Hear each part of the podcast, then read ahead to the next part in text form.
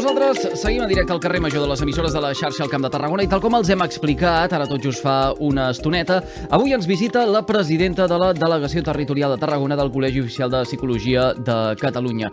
I amb ella volem parlar d'hàbits saludables i com aconseguir-los, aprofitant la vinentesa que tot just ara fa una setmana, el dimecres 31 de maig, era el Dia Internacional Sense Tabac.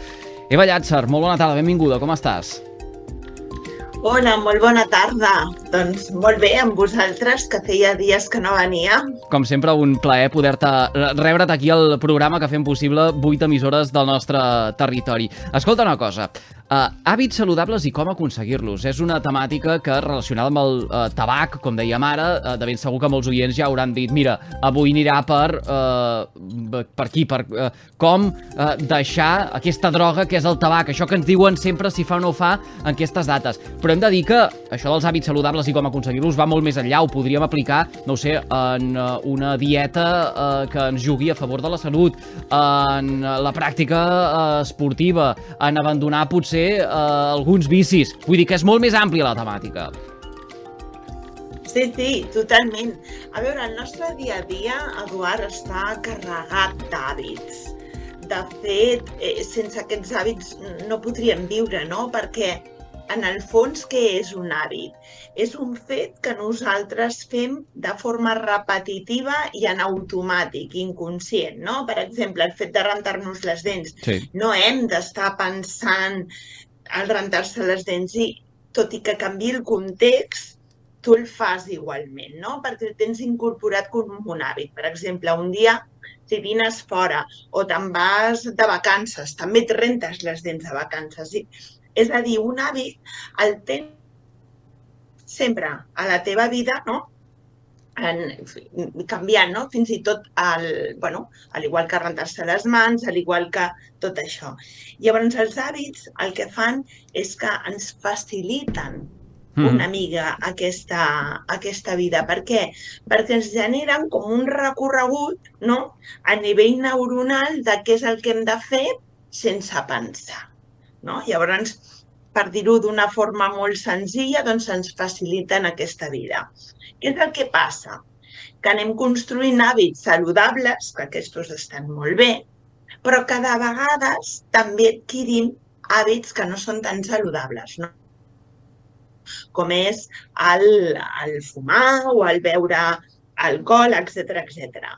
Mm -hmm. Llavors, eh, la importància d'un hàbit, no? com, com podem incloure un hàbit a la nostra vida és, un, el recordatori, no? la preparació, no? és a dir, vinga, m'he de preparar la roba per demà perquè ho tingui tot a punt, no? o els nanos a l'escola, vinga, la motxilla. Després la rutina, no? és a dir, el fer-ho. I després la recompensa, no? és a dir, serien com les tres R's, no? És a dir, recordatori sí que ho he de fer, vinga, sí. la rutina de fer-ho i després la recompensa. Perquè, perquè Eva, hi ha, un, hi, ha, hi ha un moment que uh, una acció es converteix en un hàbit? És a dir, uh, potser, potser no tenim uh, l'hàbit o no estem acostumats a, a fer una cosa cada dia en aquella hora o, o, o és igual, o, o a fer aquella cosa en concret, però al final la, la, la rutina o el costum fa que es converteixi en un hàbit. Hi, hi, ha, un, hi ha un pas que permeti diferenciar uh, uh, això, aquestes dues fases? No sé si m'he explicat bé, eh? Sí, sí, sí, i tant. Eh, és just la repetició. És a dir, tu fas una cosa de forma repetitiva, al final allò, si ho mantens, es convertirà en un hàbit. I després he de dir una mala notícia i una bona notícia. La mala notícia, sobretot és pels hàbits no saludables, és que un hàbit ja no es desaprèn. Mm -hmm. val? És a dir, dius, i però vigilem perquè sí es pot deixar de fumar, sí es pot començar a fer esport, no? Però, bueno, aquella ruta que tu has creat en el teu cervell no? de, de l'hàbit de fumar, eh, costa molt. Per això mm, sempre es diu no? que els fumadors són fumadors tota la vida, tot i que no fumin, no? Precisament per aquest recorregut que té l'hàbit. Quina és la bona notícia? Que també passa amb els bons hàbits. Per tant, tu a l'hàbit de fumar li pots aplicar a sobre i pots posar l'hàbit de no fumar. I també pot ser per a tota la vida. No? Llavors, una de les maneres que podem aconseguir doncs, deixar hàbits que no són tan saludables, moltes vegades un hàbit va associat amb una altra rutina de la nostra quotidianitat. Per exemple, el rentar-se les dents va associat després de les menjades, no? Sí. Molta gent, doncs, pren el cigarret a la terrassa o després del cafè. Llavors, ens, ens anirà molt bé si traiem no, aquesta associació. És a dir, jo estic creant l'hàbit de no fumar, doncs, pum, recordatori, que jo després del cigarro, sempre, ai, després del cafè sempre em faig un cigarro. Rutina, no em faig el cafè en aquell moment, no em faig el cigarro. I després tinc la recompensa, no? És a dir, la satisfacció d'haver-ho fet, no? Llavors, trencar quan jo tinc un hàbit, mm, supàdits, no? Sí. Dins d'aquest eh, va molt bé per, per anar construint no? aquest altres rutes neuronals, que és el que comentava. Hmm. Uh, Eva, tinc la sensació que uh, hàbit uh, va molt relacionat amb obligació i alhora també amb força de voluntat. L'hàbit, m'has dit, perdona. Sí, sí, la, és a dir, el, el, terme, el terme hàbit o, o, o tenir un, un, un hàbit uh, és, és una obligació uh, o, o majoritàriament ens ho prenem com uh, l'obligació. Mm, uh, no ens ho passarem bé si hem d'anar a, aixecar peses al gimnàs, eh, segurament que estaríem més bé eh, fent una cerveseta amb una terrassa d'un bar. Eh, I, per tant, l'obligació que, que ens autoimposem és la de ostres, aquest hàbit, no? És que és, és, és bo per, pel, pel cos, per la salut, anar a, fer, anar a practicar esport, anar a aixecar peses, anar eh, a suar. Per tant, eh, això, l'hàbit és una obligació i, i després aquesta obligació que és una obligació volguda uh, per, per cadascú, si no hi ha prou força de voluntat, possiblement al cap de mm, uns dies l'acabem deixant estar. El que passa que, mira, Edu, eh, és molt important com ens plantegem el voler incorporar un nou hàbit com és fer l'esport o el deixar-ne un altre, no? I, i, i la, el llenguatge ens ajuda molt no? A, a fer que una cosa es converteixi com una obligació o a fer que un canvi es converteixi com una oportunitat, no? És a dir, si jo m'ho explico com una obligació, no? He de deixar de fumar perquè tal, se'm posa una llosa a sobre, no? Una llosa immaterial, però que se'm fa més feixuc i em costarà molt més, uh -huh. no? anar repetint aquest hàbit de no fumar. Però si en canvi jo m'enfoco en que tinc l'oportunitat de portar una vida més saludable, que a més a més hi ha hàbits que són claus, no? en el sentit que són hàbits claus. Hàbits que quan ens comences a incorporar formen part d'un engranatge molt més gran que encadenen altres hàbits, no? És a dir, per exemple, no? El fet de començar a fer esport. A molta gent segur que li passa, no? Comences a fer esport i ja comences a menjar una mica menys i més saludable, no? Per què? Perquè cert que pateixes una mica els primers dies, no? que vas a córrer o que vas al gimnàs, però llavors dius, uf, m'ha costat tant que vinga, això que anava a menjar ja no m'ho menjo, no? Són hàbits que concatenen d'altres. Llavors, si jo m'ho veig i m'ho explico, no? la narrativa de la vida, que jo moltes vegades la dic, si jo me l'explico des de tinc l'oportunitat, que xulo, mira que bé que em sento, això m'ha costat, però mira ara, que bé. I de seguida, no? quan a lo millor ja no ho vist des de l'esforç. I després, en uns dies, en breus, que a lo millor tu has comentat abans que cauria no? a deixar de fer aquest nou hàbit saludable o a tornar a fumar, no? si fos en el contrari, al contrari. Què és el que me passa? Que al cap d'aquests dies jo començo a notar els beneficis bons, saludables, i per tant tinc aquesta motivació. No? Jo sempre dic que la motivació ve després de l'acció, no? Hi ha molta gent que diu, bueno, quan, quan, quan pugui ja ho faré, no? O vinga, m'apuntaré al gimnàs quan, quan hagi acabat, és que quan en tingui ganes, és que ara no en tinc ganes, no s'apuntarà mai al gimnàs. Clar. Quan t'agafen les ganes? Quan precisament adquireixes aquest hàbit, no? Quan precisament hi vas i ho fas. Però des de la decisió, quan tu decideixes, la narrativa ja hauria de ser com, mira que bé, he decidit això, que bé per a mi, no? des d'aquesta oportunitat. I està determinat, Eva, a partir de uh, quantes vegades hem uh, repetit el que volem que esdevingui un hàbit, uh, ho, incorporem ja en la nostra rutina diària? No sé, hi ha qui diu d'unes 20, o, o hi ha qui parla ja de les, 30, de les 30 vegades en què hem repetit de manera diària una acció, aquella es converteix en l'hàbit. Uh, això es pot definir d'una manera tan simple com jo comento ara? O, o realment depèn de la persona? Mira, jo penso que no es pot definir eh, d'aquesta manera, no? Perquè depèn de la persona, depèn, per exemple, de l'hàbit, de, de la motivació, imagina't, no? M'explico amb el deixar de fumar o amb anar al gimnàs o començar a fer esport, no? També de, del nivell de de motivació que tinguis i no vull dir que sigui pròpia, a lo millor deixes de fumar perquè el metge t'ha dit mira, l'últim cigarro o tens problemes, no? Llavors, pum, ho fas de forma immediata, no? És a dir, hi ha molts elements. Sí que és cert que durant una temporada es va dir molt els 21 dies, no? Que els 21 dies generava hàbit. La veritat és que després aquests 21 dies van passar a ser 62 i tal el, eh, jo no me centraria tant en quants dies, perquè si no pot ser una frustració si han passat aquests 21 dies i no tens l'hàbit, no? Que 21 dies, sincerament, és poc per crear un hàbit. També depèn de quin hàbit vols crear, no?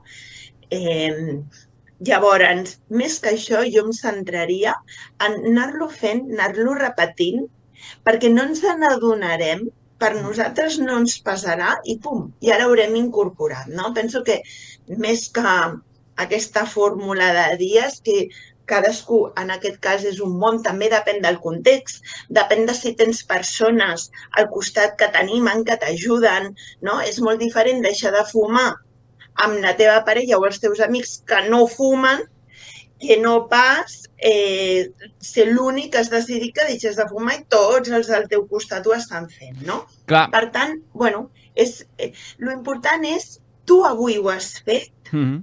repte aconseguit. I cada dia, cada dia sé que aquell dia sigui el, el dia d'haver fet aquell hàbit, no? El que sigui. De fet, això, això et volia preguntar, uh, Eva, si l'entorn si acostuma a acompanyar eh, quan parlem d'aconseguir uns eh, hàbits que ens beneficiïn en el nostre estat de salut i quan parlo d'entorn, ja no només em refereixo a la, a la família o als amics, eh, sinó als inputs que ens arriben i que, i que no podem controlar com a individus. No sé, ara ens diuen, eh, sí, eh, hem de deixar de fumar perquè fumar eh, és eh, perjudicial pels pulmons però resulta que a les terrasses dels bars encara es pot fumar. Diuen que un dia arribarà la, aquesta nova llei, ja ho veurem perquè ara hi ha eleccions i a veure què és el que passa amb tot això, que un dia és eh, eh, blanc i l'altre és, és negre, però eh, mentre les terrasses pugui fumar, Uh, fins i tot els que no són fumadors són fumadors uh, passius, perquè a la taula del darrere estan fumant. Un altre cas, deixem, uh, jo què sé, les begudes ensucrades. Ens diuen, ostres, hem de reduir el consum d'aquests uh, uh, processats que ens arriben. Però és que després arribem a una parada d'autobús i ens trobem allí la màquina de begudes ensucrades o, o, o, o de Mm, no ho sé, eh, productes eh, industrials que eh, no ens ajuden gaire a mantenir una línia saludable de... de, de... Per, per tant, trobo que sí, que està, que està molt bé, però, però després eh, hi ha moltes coses que no controlem i que ens fan caure la tentació de manera volguda o de manera totalment indirecta. Totalment d'acord. I és cert que el context ajuda moltíssim, no? És a dir, és el que parlàvem. I després, cert, és a dir, a tot arreu posa no a allò que no, allò que no és gaire saludable, no? a nivell de dieta fins i tot, no? igual que als supermercats, no? a l'últim tram que estàs a la caixa que no et pots moure, sí. fixem-nos-hi què és el que hi ha just amb aquell últim tram. No? Però el que passa que per evitar això és important no? aquest recordatori inicial, no? El tu què vols? Tu per a què vols deixar aquest hàbit? Sobretot el per a què fer les coses. Perquè si tens un, una força, un per a què, un sentit de fer allò molt més gran, ho aconseguiràs, ho aconseguiràs. Cert, cert, que el context ajuda, cert que l'entorn ajuda. Jo sempre dic, si vols generar un hàbit, explica'l també, no? Perquè la gent sense voler, t'apressionarà. Escolta'm, no m'havies dit que anaves al gimnàs i tal, què? Com et va? Clar, quan tu te compromets públicament, si podem dir d'aquesta manera, no? Eh, amb alguna, amb algun hàbit, després costa molt desdir-te, perquè va en tu la teva credibilitat, no? Llavors et sap molt més greu i llavors la gent s'ancla de dir que ara ho he dit, ara ja no me'n puc desdir. Doncs pues mira, dir, per això aconsegueixes doncs no fer aquell cigarret o aconsegueixes doncs, anar a córrer i tal, benvingut és, no? Per tant, qualsevol canvi que vulguis fer de forma saludable, explica'l, no? Perquè t'ajudarà a mantenir-te, no? Perquè hi ha, hi ha una altra motivació molt gran que és la de que la gent pensi que tu tens credibilitat, que tens força de voluntat i que ho pots fer, no? I, aquest, i això t'ajuda i, i t'anima, no? Uh, Eva, eh, és el mateix adquirir un hàbit uh, en el cas d'una persona adulta que d'un infant? O, o aquí, al final, els, uh, els adults són els que hem d'estar a sobre d'aquest infant perquè esdevingui un bon hàbit, aquella acció que volem que ja facin per si sol els nostres fills i filles. No ho sé, em ve el cap ara fer els deures abans eh, de, de, de, de jugar mm, i de fer segons quines activitats o mirar la tele, s'han de fer els deures. Mm, mm, mm, clar, això, això també és un hàbit, en aquest cas de la canalla, eh, que potser no, que, que potser no estan d'acord i potser ens hi hem de em, em, fins i tot enfrontar. Clar. Mira, l'adquisició d'hàbits en adults i en infants, no? a nivell cerebral és el mateix. El que passa que sí que és cert que els adults ajudem els infants a incorporar aquest hàbit, no? Per tant, aquest recordatori de fer la rutina els hi fem als adults, perquè ells no tenen no?